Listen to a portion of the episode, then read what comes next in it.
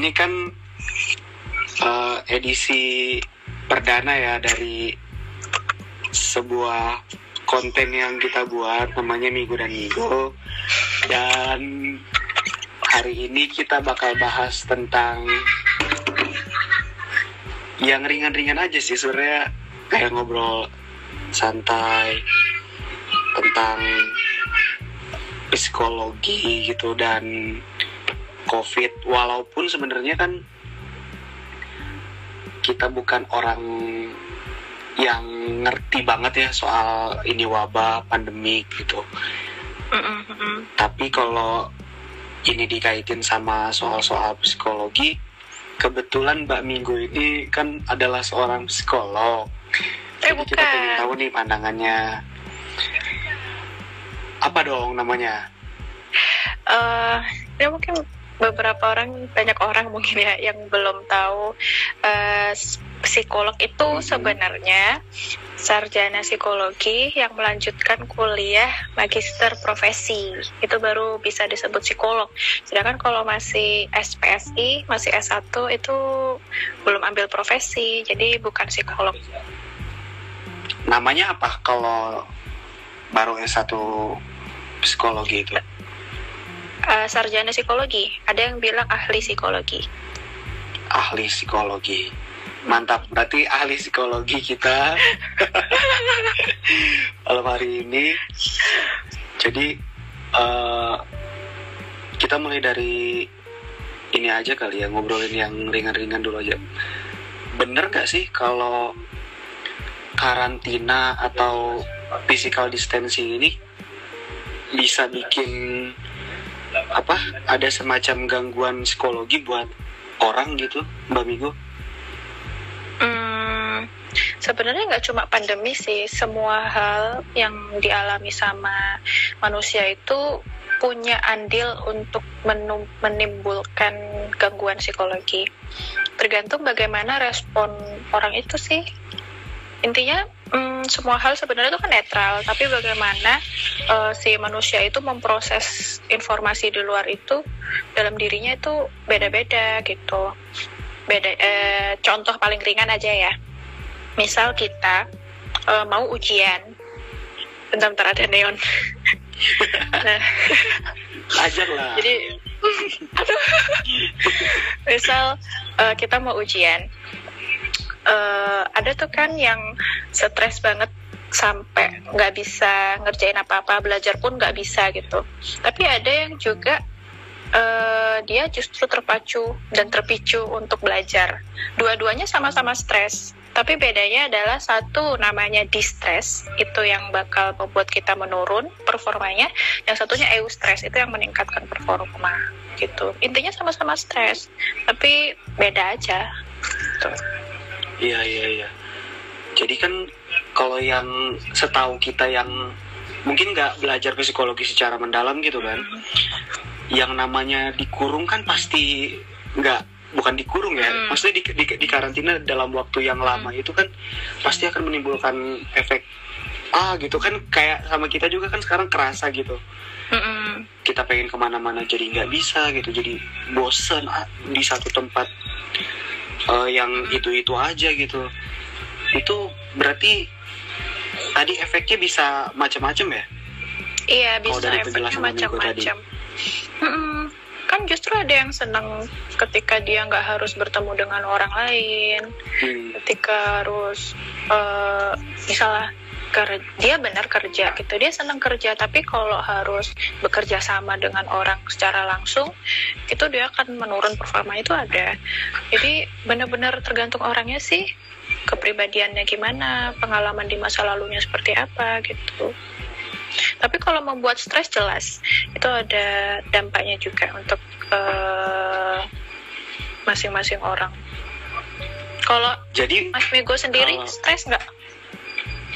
Aku nggak terlalu sih sebenarnya cuman kadang-kadang ngerasa bosan aja gitu kalau ngelakuin hal-hal yang monoton kayak makan tidur itu kan bener-bener Hmm. ini ya monoton gitu cuma gini mbak Migo aku pernah baca di beberapa uh, ini ya di media sosial tuh di Twitter sama di Instagram itu katanya ada yang bilang kalau uh, physical distancing ini surganya buat para introvert itu bener gak sih? Hmm, jadi kayak sih. semacam jadi mereka tuh kayak malah kesenangan gitu ada ada ininya kan meme-memnya gitu kalau kalau orang yang ekstrovert apa namanya kayak pusing gitu kan kalau yang introvert dia malah jadi kayak wah ini yang ku mau gitu gitu gak sih? Gak sih uh, aku ekstrovert tapi aku suka hmm. dan Gimana ada temanku introvert dia nggak bisa. Ya benar memang dia mengurangi intensitas uh, ketemu teman-teman kantor uh, ketemu orang-orang di jalan gitu benar berkurang. Tapi yang namanya introvert mereka tetap butuh interaksi dengan orang lain gitu. Ya dia juga akhirnya stres kalau emang harus lebih lama lagi. Karena semua orang sebenarnya pada dasarnya kan emang butuh interaksi ya gitu Mm-mm. sekalipun dia sekalipun dia introvert gitu iya hmm. cuma beda media kali ya iya iya ya. dan kan selama uh, introvert ekstrovert itu sebenarnya nggak hanya terbatas uh, masalah dia rame atau suka interaksi sama orang nggak terbatas itu aja. Itu ada beberapa teori yang menyampaikan kalau introvert ekstrovert itu masalah uh, apa energi yang didapat hmm. misal kalau aku ekstrovert aku sangat mudah terpengaruh dengan dunia luarku gitu. Ada yang teori kayak gitu beda-beda sih. Tergantung kita mau balik ke teori yang mana. Hmm. ya ya ya. Kalau Mbak Migo sendiri biasanya gimana cara buat menanggulangi rasa bosan kayak gitu selama apa namanya masa-masa ini? Apa yang biasa dilakuin? Uh, kalau hari ini aja sih tadi bersih bersih kamar mandiin neon. Terus sama oh kebetulan tadi ada kuliah umum juga sama teman-teman hmm. alumni. Terus hmm, tadi bikin makanan sama teman-teman kos gitu. Terus uh, beberapa hari terakhir lagi ikut kuliah online juga. Ngapain aja sih yang bisa dikerjakan gitu ada update isu apa nih yang terbaru dari dunia psikologi di tengah uh, apa namanya situasi yang kayak gini? Mungkin ada yang melakukan penelitian gitu tentang habitnya orang-orang di masa-masa ini gitu Bang Migo? Hmm, kalau melakukan penelitian sih aku kurang tahu. Tapi memang cukup banyak ya informasi berseliweran gitu tentang uh, kepanikan orang-orang kayak um, panic buying atau uh, orang-orang yang awalnya seneng banget nih di rumah tapi setelah satu atau dua minggu tiba-tiba keluar dan uh, apa ya bikin rame jalan kayak gitu. Ya banyak sih tulisan-tulisan teman-teman psikologi terutama yang ngebahas tentang itu. Terus ngingetin uh, tentang mental health. Kalau harus di rumah lama itu mereka mending kayak gimana? Meditasi lah atau apa? Mengatasi kecemasan yang berlebihan gitu-gitu. Hmm. kalau yang penelitian berdasarkan statistik hmm, belum tahu deh. Iya, iya karena masih berjalan kan ya maksudnya uh-huh. uh, kejadiannya juga masih berlangsung mungkin kita bisa uh. dapat data yang lebih lengkapnya juga nanti setelah ya semua ini uh-huh. berakhir gitu gitu ya uh-uh. dan itu kan kalau yang dari dunia klinis ya kalau dari psikologi industri mereka lagi uh, menyiapkan dan mungkin beberapa instansi sudah menjalankan yang masalah uh, termasuk kantor kita ya pengembangan pengembangan kompetensi online atau uh, assessment assessment online kayak gitu dari segi psikologi industri organisasinya. Hmm, di beberapa perusahaan juga aku lihat kayak se selama ini kan jadi orang-orang tuh uh, ini ya fokusnya itu ke masalah kesehatannya gitu loh Migo jadi uh, tentang karyawannya itu jadi dia tuh lebih milih buat merhatiin tentang kesehatan karyawannya. Makanya ya karyawannya tuh dikasih obat gitu ya. Terus apa namanya dikasih asupan makanan yang bergizi gitu. Tapi ada juga tuh kantor yang apa dia ngasih uh, layanan uh, psikologi gitu konseling gitu migo. Itu penting gak sih buat setiap kantor punya itu gitu selama masa ini? Kalau menurut tiap pribadi itu penting. Hmm. uh, apalagi yang memang pekerjaannya itu akan berubah drastis. Hmm. yang biasanya mereka pelayanan publik langsung misalnya ya. Tiba-tiba yeah. harus di rumah gitu. Pasti kan ada perubahan yang drastis dari itu. Jadi perlu juga sih. Tapi memang uh, ini ya kebutuhan akan pemenuhan kesehatan mental di Indonesia kayaknya emang belum tinggi ya. Yang diutamakan dan memang harusnya memang diutamakan sih hmm. kesehatan fisik yang langsung terlihat yang langsung berdampak kayak gitu. Yeah, yeah. ya nggak masalah gitu. Dan memang kebutuhan kita untuk di masa pandemi ini kan fisik banget memang kebutuhannya. Daya tahan tubuh jadi butuh vitamin. Terus uh, susu mungkin ada kantor yang kasih susu ya Iya, iya. Jadi nggak masalah sih untuk uh, hal pertama kayak gitu. Tapi suatu saat juga kita mau nggak mau butuh yang namanya pendampingan kesehatan mental. Hmm, beberapa kantor ada sih kayak ngasih konseling online akhirnya karena mereka memang punya uh, platform untuk konseling psikologi gitu. Jadi selama uh, masa pandemi ini WFH akhirnya konseling psikologinya dipindahkan juga di online. Ya, ya, ya. Berarti sebenarnya toolsnya juga harus disiapin ya kalau mau mm -hmm. bikin konseling secara online kayak gitu. Mm -hmm. Nah Mbak Migo nih ada pertanyaan cuman aku ini gak sih apa namanya kebaca gak sih pertanyaan dari Camira okay, Camira Camira kebaca gak sih Mbak Migo? Kebaca kebaca. Ya itu artinya apa? Uh, kekerasan physical karena terbilang takutnya. Oh, jadi ya. intinya tuh pertanyaannya. Gimana, tuh? Uh, si ini temanku kebetulan si hmm.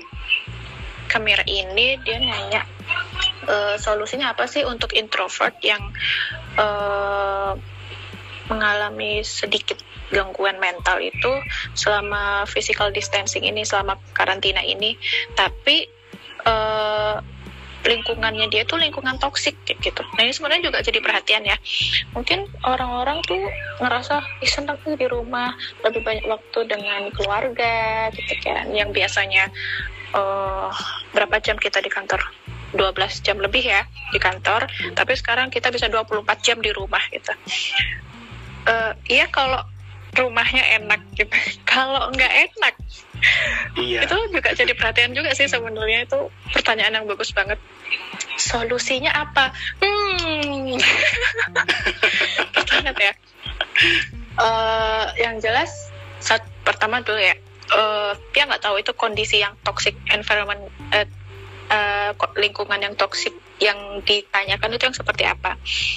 Uh, tapi kalau dalam bayangannya dia adalah mungkin gak akrab sama uh, orang tua atau sama kakak adiknya di rumah sering tengkar lah segala macam.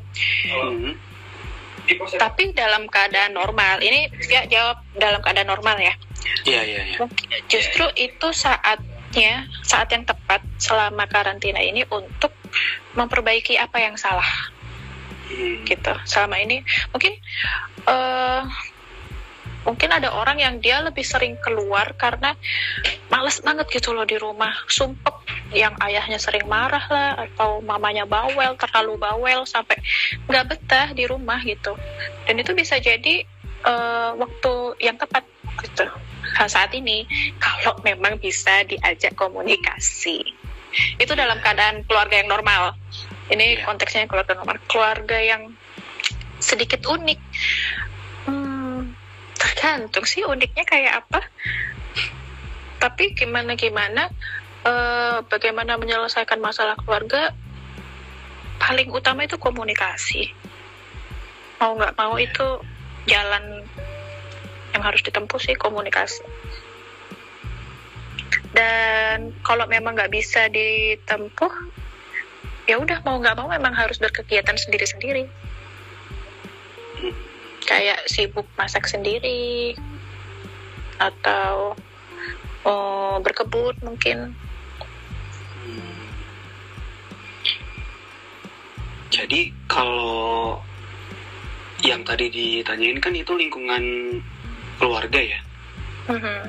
jadi lingkungan keluarga gitu kalau lingkungan pertemanan gitu yang toksik gimana Migo? Ini curhat ya teman-teman kosnya ya Enggak maksudnya ada juga kan kita yang mm-hmm. maksudnya sekarang ngerasa ya kata toksik ini kan lagi naik banget ya jadi kayak semua orang juga pada, pada pakai uh, kosa kata, kata ini itu. iya gitu jadi uh. kalau ininya dulu deh maksudnya kalau menurut Mbak Migo nih toxic itu yang kayak gimana sih terus kalau dalam case yang tadi terus itu pindah ke temen-temen yang toxic gimana tuh Ini lagi ngomongin siapa nih? AA dong. Enggak, kita kita bisa kan mengumpamakan aja. Ceritanya nggak ada di sini ceritanya. Uh, uh, malah lebih gampang sih menghadapinya kalau kita sedang di kos-kosan daripada di rumah. Kalau di rumah kan hmm mau nggak mau kita harus interaksi kan. Sedangkan kalau di kosan ya tinggal tutup pintu kamar aja udah beres gitu kita nggak bakal ketemu. Mungkin hmm. ketemunya kalau antri kamar mandi atau sama-sama pesen GoFood gitu kan. Yeah. Iya. Uh, yang jelas gimana menghadapi orang atau lingkungan yang toksik. Yang pertama ya jelas hindari daripada kita. Mm, kalau menurut uh, pihak pribadi ya? Yang jelas pertama pribadi eh pribadi yang pertama adalah hindarin dulu. Uh, karena antara uh, kalau kita tetap nih di dekatnya antara kita uh, stres banget saking keselnya gitu atau malah kita ikut-ikutan toksik itu lebih bahaya. Itu jadi yang pertama ya? hindari. Oh bisa bisa banget jadi definisinya apa sih toksik itu?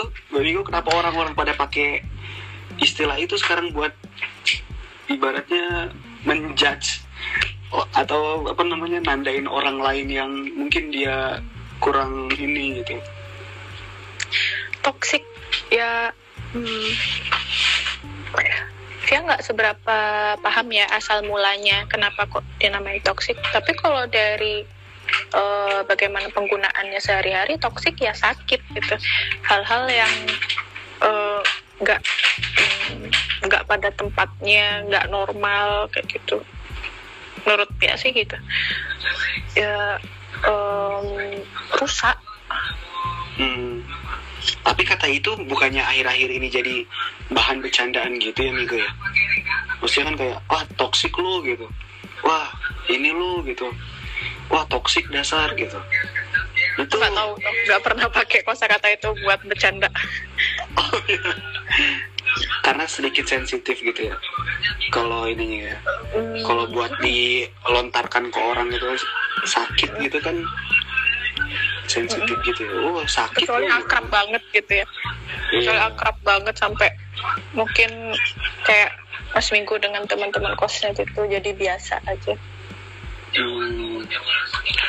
nah mungkin ini selanjutnya kita pengen tahu nih pandangannya Mbak Migo soal tipikal-tipikal orang kan banyak nih selama masa pandemi ini jadi ada orang yang dia tuh bisa tenang banget gitu ngadepin situasi kayak gini uh, physical distancing uh, apa namanya dia bisa jalanin aja kayak kayak kayak normal aja gitu. Tapi ada juga yang panik gitu karena ngerasa dia nggak nggak boleh interaksi sama siapa pun gitu. Akhirnya begitu begitu dia ngerasa kayak gitu dia coba buat ini ya apa namanya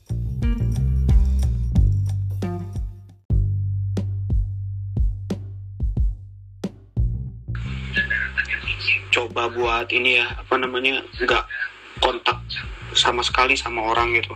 Dia punya anggota keluarga juga akhirnya dia bener-bener protek akhirnya jadi bener-bener cemas cemas cemas berlebihan gitu.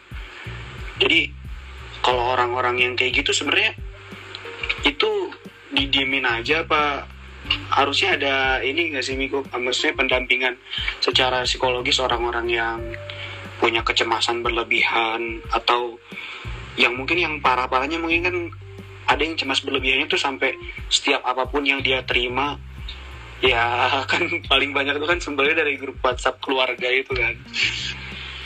Jadi setiap apa pun yang diterima itu nggak difilter tapi langsung di bus bus gitu langsung dia share share share terus gitu ke mana-mana. Iya gitu. Nah itu gimana sih Migo? Maksudnya untuk orang-orang yang kayak gitu sebenarnya mereka tuh harus harus gimana harus diapain gitu. Uh, kalau mau langsung disarankan ke psikolog atau psikiater sih enggak kalau menurutku. Uh, karena ya itu itu masih awal sih masih hmm, gejala awal kecemasan ya. Hmm, kalau itu emang ada di uh, orang-orang sekitar kita dan kita paham. Yang pertama satu uh, ditemenin. Hmm, ya itu baik itu kita kalau misal serumah atau satu kos gitu ya kita temenin secara fisik gitu. Terus kalau emang jauh ya kita pantau um, apa lewat media sosial WhatsApp gitu kita tanya terus kabarnya seperti apa.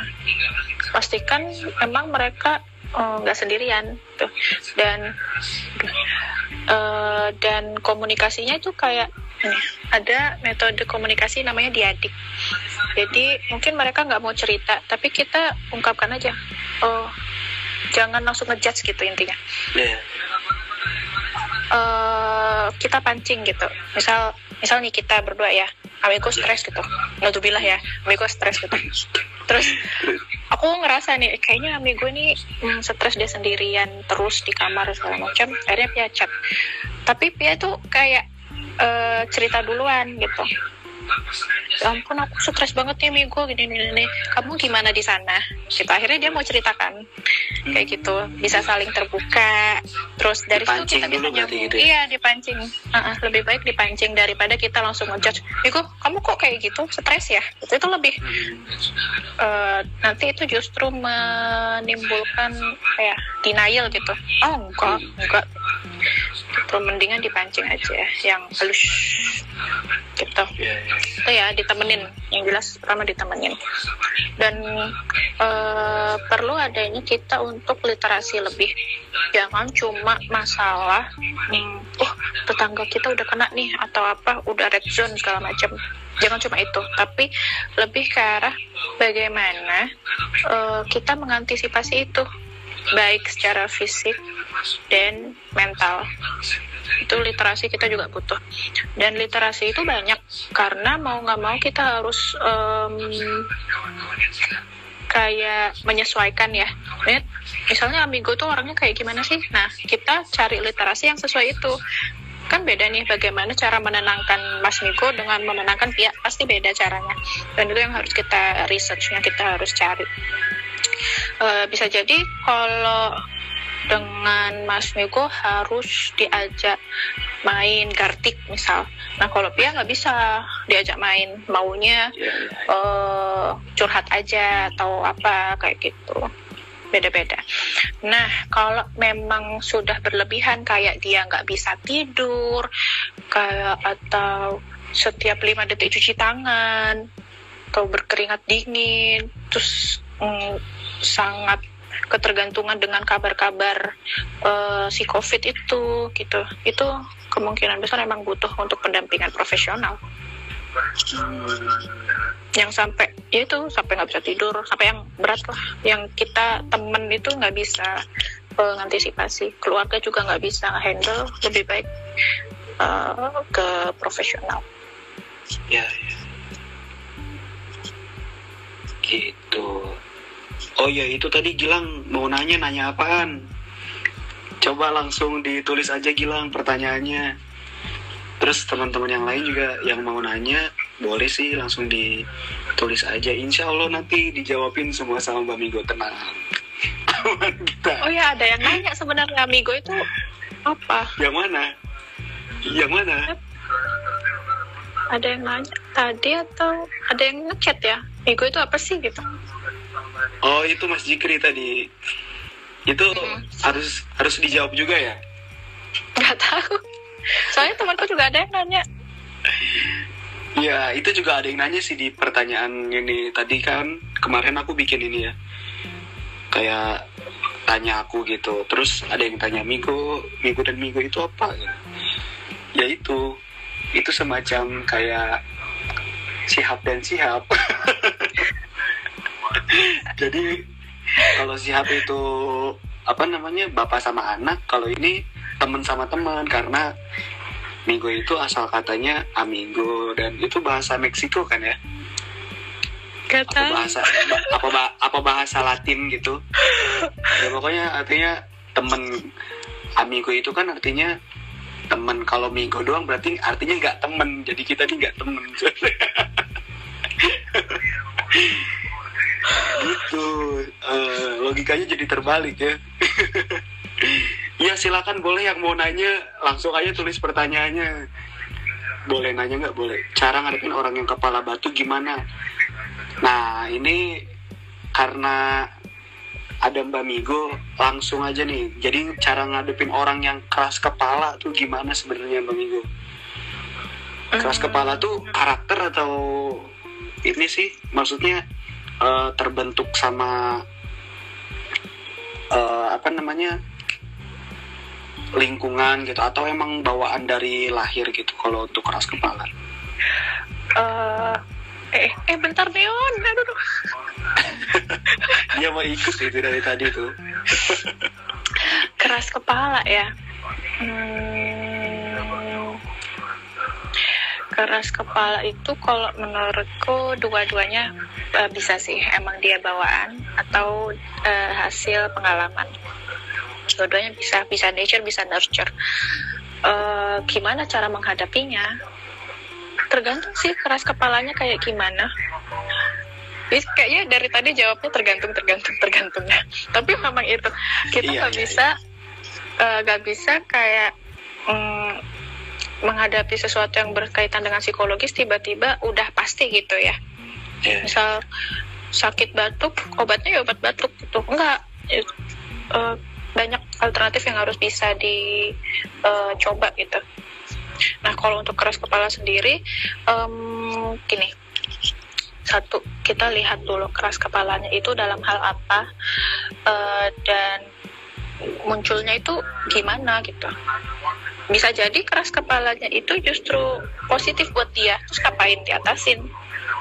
kalau emang membawa dampak positif gitu ya. Misal dia nggak gampang terpengaruh sama temannya itu kan juga termasuk keras kepala kalau menurutku ya ya uh, kalau memang itu um, benar-benar nggak bisa dikasih tahu padahal itu udah salah. Misal yang keras kepala itu uh, um, mengambil jalan yang salah dikasih tahu ngeyel gitu ya uh, kalau mau jahat biarin aja. Siapa tahu dia ketemu batunya. Kalau mau jahat. Astagfirullahaladzim. Aduh bentar bentar bentar. Uh, kalau itu tadi kalau mau jahat ya. Kalau mau baik yang jelas satu sabar, sabar. kita ngasih taunya sabar. Kedua uh, kita cari celah.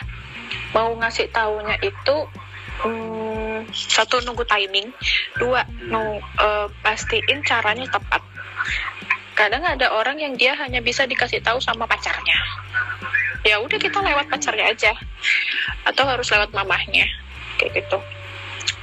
Atau dia tipe orang yang dia akan uh, jadi nurut kalau dia sudah uh, lihat lihat salahnya jalan itu di orang lain.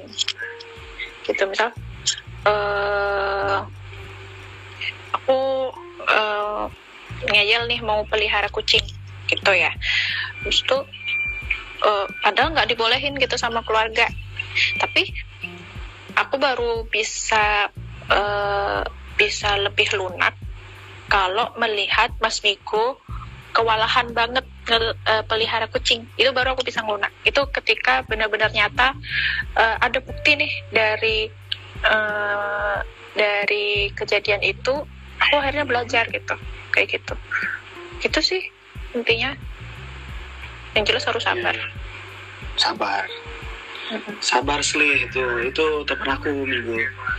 Namanya Musli. Orang Makassar eh, Musli. orang iya. Makassar. Kisana. Iya orang Makassar itu di mana ya? Di Maros Maros. Maros Sulawesi tapi bukan di Makassarnya banget. Gitu. Terus aku mau nanya nih Migo.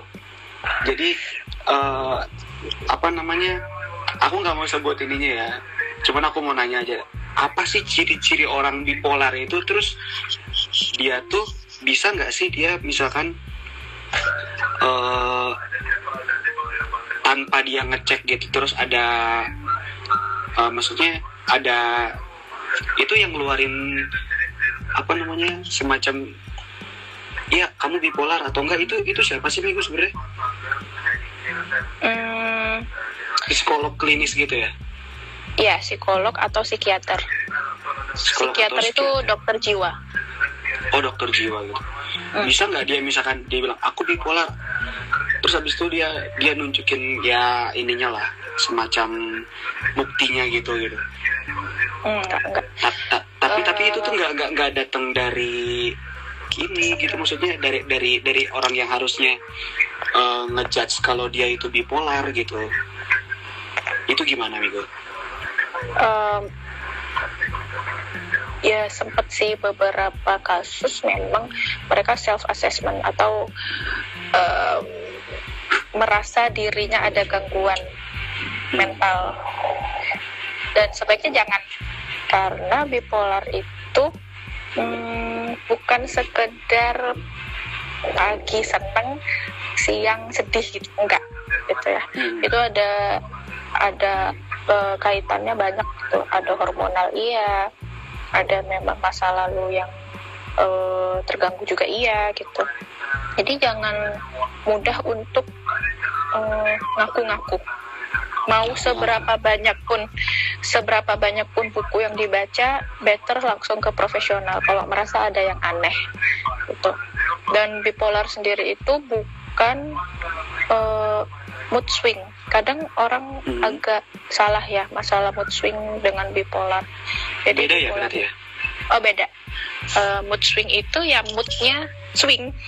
Mudah banget hmm. berubah gitu. Yeah. sedangkan kalau bipolar itu yaitu ada uh, uh, apa setelahnya kayak episode episode eh, bukan episode. Uh, apa sih setelahnya kok agak lupa. Um, pokoknya ada dua kutub yang dua di mana ada gitu ya? fast bukan episode sebenarnya istilahnya aku agak lupa.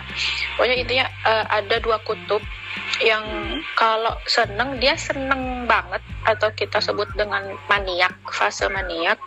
Dan hmm. kalau sedang sedih itu sedih banget yang kita sebut depresif gitu.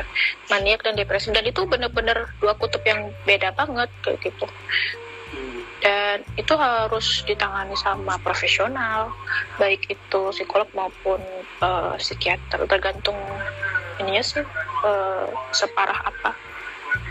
Ada ada ada yang gitu didampingi dengan obat. Semua gangguan ada tingkatannya guys. Hmm. tapi kita nggak nyebut stadium stadium enggak ya, ya, ya. Ada yang gitu. ringan sedang terus tinggi gitu ya? Hmm, semacam itu berarti ya ya ya ya. Berarti kesimpulannya dia tuh nggak apa namanya kalau self assessment tapi kalau secara psikologisnya sah nggak sih?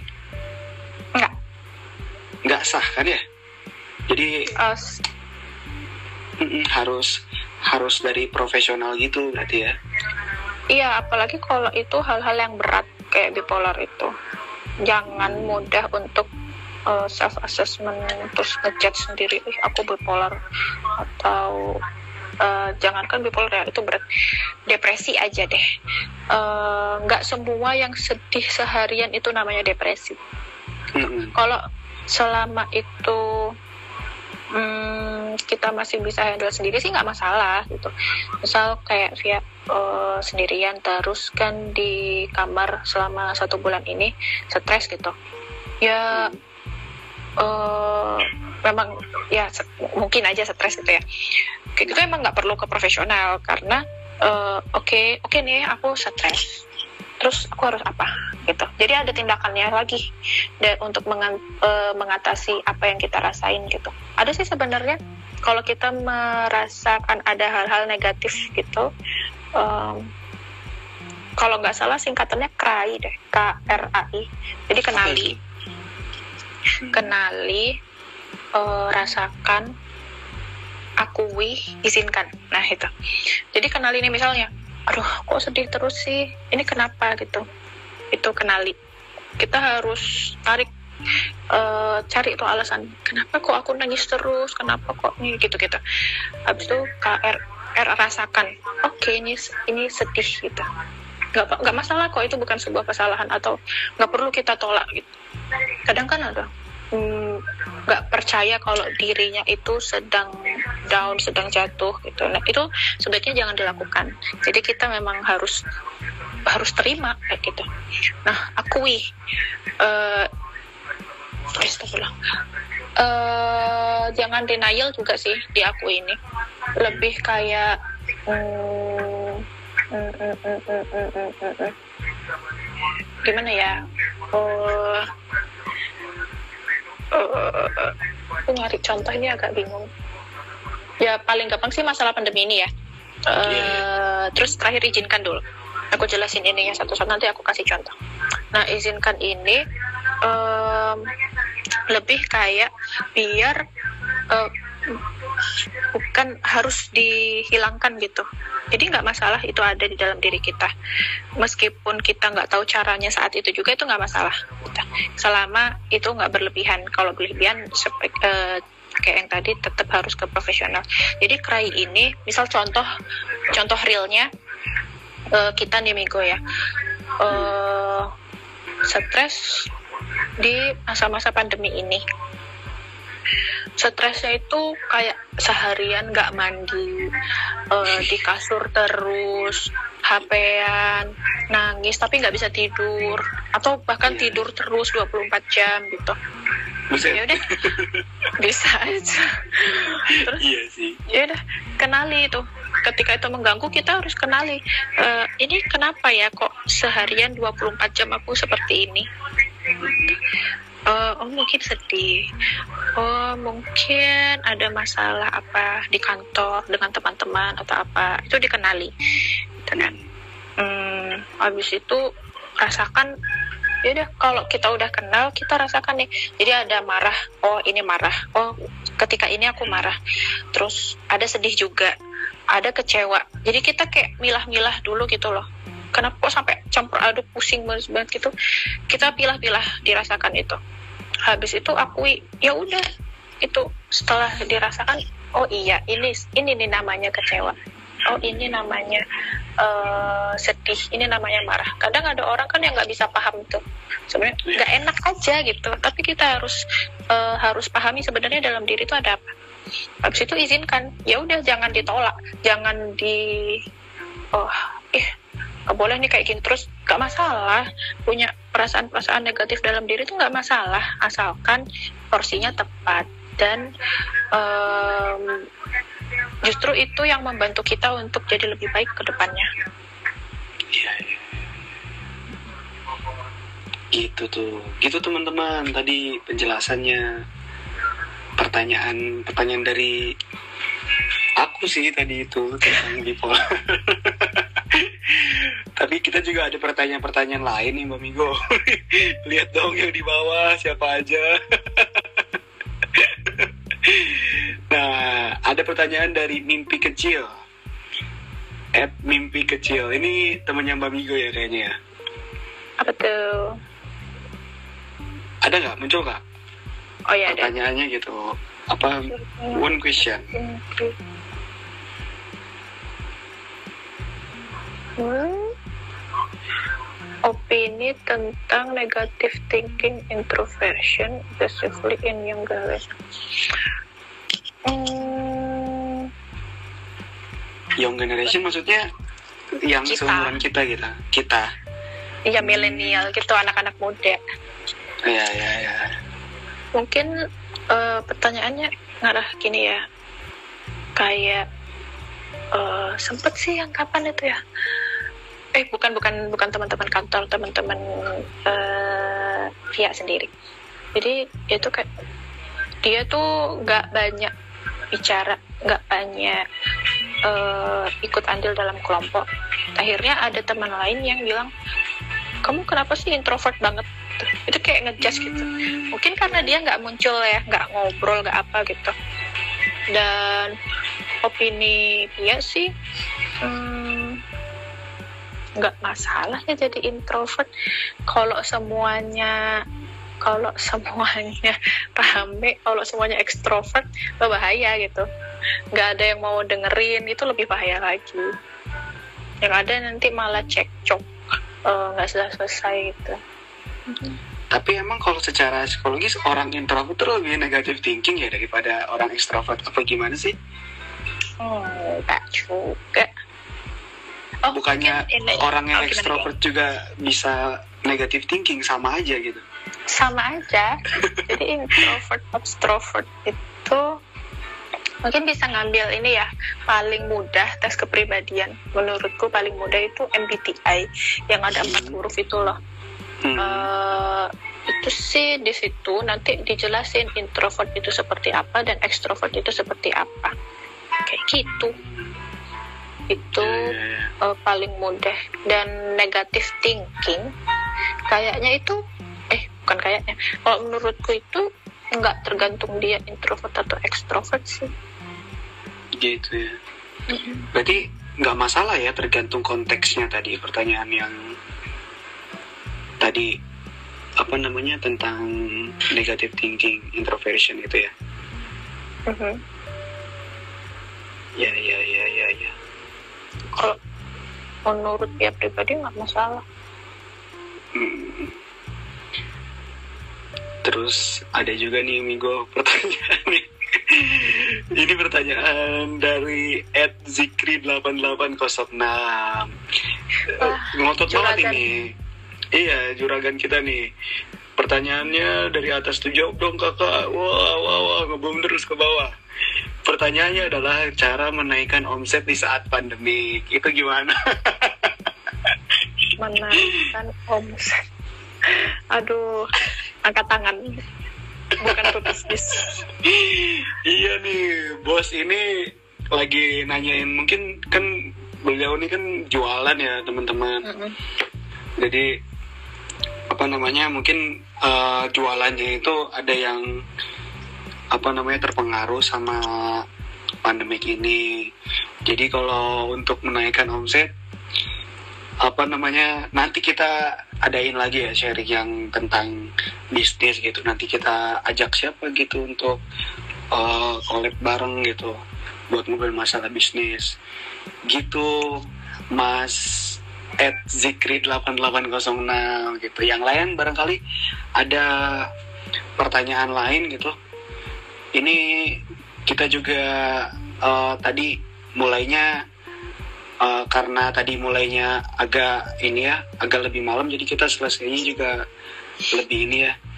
Mungkin uh, kita ada waktu sekitar uh, 10 menit lagi mungkin buat teman-teman untuk yang mau nanya apa pun ya tentang psikologi dan juga tentang covid ini gitu ya gitu guys jadi uh, kalau aku ngerasanya apa yang tadi disampaikan sama Mbak Migo itu hmm. apa ya yang tadi tentang uh, apa namanya cara kita buat tetap apa nggak panik selama di rumah ini gitu dan apa namanya secara psikologis itu kan jadi kayak apa namanya tadi kita butuh ini ya butuh kayak pendampingan gitu buat orang-orang apalagi yang punya kecemasan berlebihan gitu gitu nah aku ngerasa itu ini banget sih kayaknya harus lebih di masifkan lagi gitu jadi hmm. nggak hmm. cuman kayak kita kan sekarang ngelihat kayak perusahaan juga cuman uh, beberapa mungkin yang yang melakukan itu kantor-kantor tempat orang kerja juga ya mungkin nggak semuanya melakukan itu. Tapi kalau misalkan ini gerakannya dibikin lebih masif lagi kayaknya uh, itu bisa jadi berkurang drastis gitu ya orang-orang yang punya kecemasan uh, berlebihan gitu. Tapi baik lagi ke tadi masalah toolsnya juga udah siap apa belum gitu kan. Kalau mau konseling uh, online itu kan emang emang ini kan ya walaupun online itu dia masih harus tatap muka gitu kan ya? Hmm, nggak hmm, harus sih. Tergantung by, dia by phone bisa berarti? uh -uh. kalau emang hmm. orang yang merasa cukup by phone ya nggak masalah. Ya ya ya gitu. Dan uh, kalau aku ngerasanya gini Migo. Di situasi kayak gini aku ya aku tuh hasil tes kepribadiannya introvert nih gue uh -uh. kalau ininya. Terus aku tuh ngerasa uh, waktu lagi awal-awal kita ngerasain ini gitu ya itu kerasa sih bener gitu. Jadi kayak uh, wah kok ini ya jadi enak gitu ya. Apa namanya jadi, jadi jadi lebih banyak waktu buat sendiri. Dan begitu lama-lama ya kalau hal-hal yang berkaitan dengan kesendirian yang aku nikmatin gitu itu enak-enak aja gitu. Tapi aku juga punya rasa bosan itu tadi benar gitu. Hmm. kayak aku pengen keluar juga ketemu sama ya teman-teman juga kayak waktu eh ini nggak apa-apa nggak sih? Ada bos nggak sih? Kan kita bisik-bisik aja. Oh iya gitu. Kayak kita kan uh, juga pengen gitu kan ketemu ngobrol langsung gitu. Kalau sama temen yang kita udah ngerasa bener-bener wah enak gitu ya buat buat kumpul gitu. Gitu minggu berarti um, selama ini sih kerjaan via ke handle sih dengan online uh, dan kerjain mandiri di rumah di kos itu masih ke handle jadi mau ketemu langsung atau enggak masalah kerjaan oke oke aja. Tapi memang ker, uh, kerasa drastis ya karena budayanya di PPSDM kita guyup ya emang. Oh apalagi ada geng milenial itu. Jadi apa-apa yeah. kayak bareng-bareng terus ngegames lah terus kangen peregangan. Habis itu sarapan Admin bareng. Sarapan bareng lah makan siang bareng bioskop danga itu. Oh, yang iya, kerasnya iya. emang uh, yang berubah drastisnya adalah kumpul-kumpulnya sama temen-temen hmm. gitu dan kalau kamu sendiri ngerasanya gimana nih selama apa namanya kita udah berapa minggu sih kena ini karantina ini? Satu bulan. Satu bulan ya? Maksudnya dari dari uh, minggu per minggunya yang kamu rasain sendiri gimana nih hmm, minggu pertama nggak tahu ya aku nggak ngerasa kayak ada yang beda banget mungkin karena ini ya kepribadianku itu kur uh, extrovert introvertnya nggak seberapa drastis beda gitu. Jadi kayak sometimes uh, eh kadang-kadang uh, ya in, bisa introvert bisa extrovert gitu. Kalau yang kemarin tes itu 40 persen eh, 40 sekian persen introvert dan sisanya extrovert jadi emang nggak ekstrim sih jadi mau sendirian mau rame-rame masih oke okay, gitu. Dan WFH ini eh selama karantina ini nggak seberapa distress sih. Masih bisa handle. Ya bikin sih ketemu teman-teman dan tapi eh, nggak uh, nggak sampai yang dibikin cemas gitu sih alhamdulillah. Ya sibuk sama masak sibuk sama neon gitu alhamdulillah ya, ya. jadi masih banyak aktivitas yang mungkin mm. bisa menghilangkan itu ya tadi rasa jenuh stres uh. dan sih. mungkin kan ini juga apa namanya karena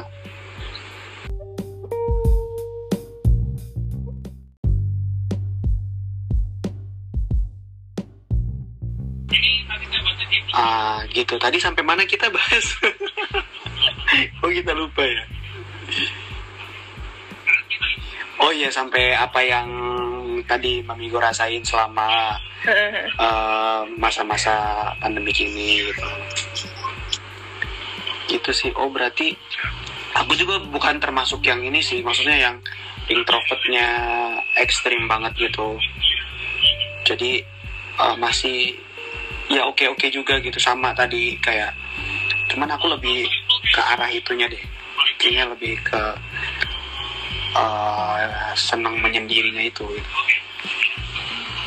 Nah terus kira-kira apa nih pesan-pesan dari Mbak Migus buat semua orang gitu ya yang sekarang lagi ngadepin situasi kayak gini gitu supaya tetap bisa ngejaga kesehatan mental hmm, kesehatan mental ya. Uh, satu aja pesannya. Lakukan apa pun sesuai porsinya. Apa pun itu baik dapat informasi terkait covid mau melakukan hobi juga sesuai porsinya mau makan juga sesuai porsinya mau tidur sesuai porsinya semuanya lakukan sesuai porsinya. Udah itu aja. Terus apa namanya uh,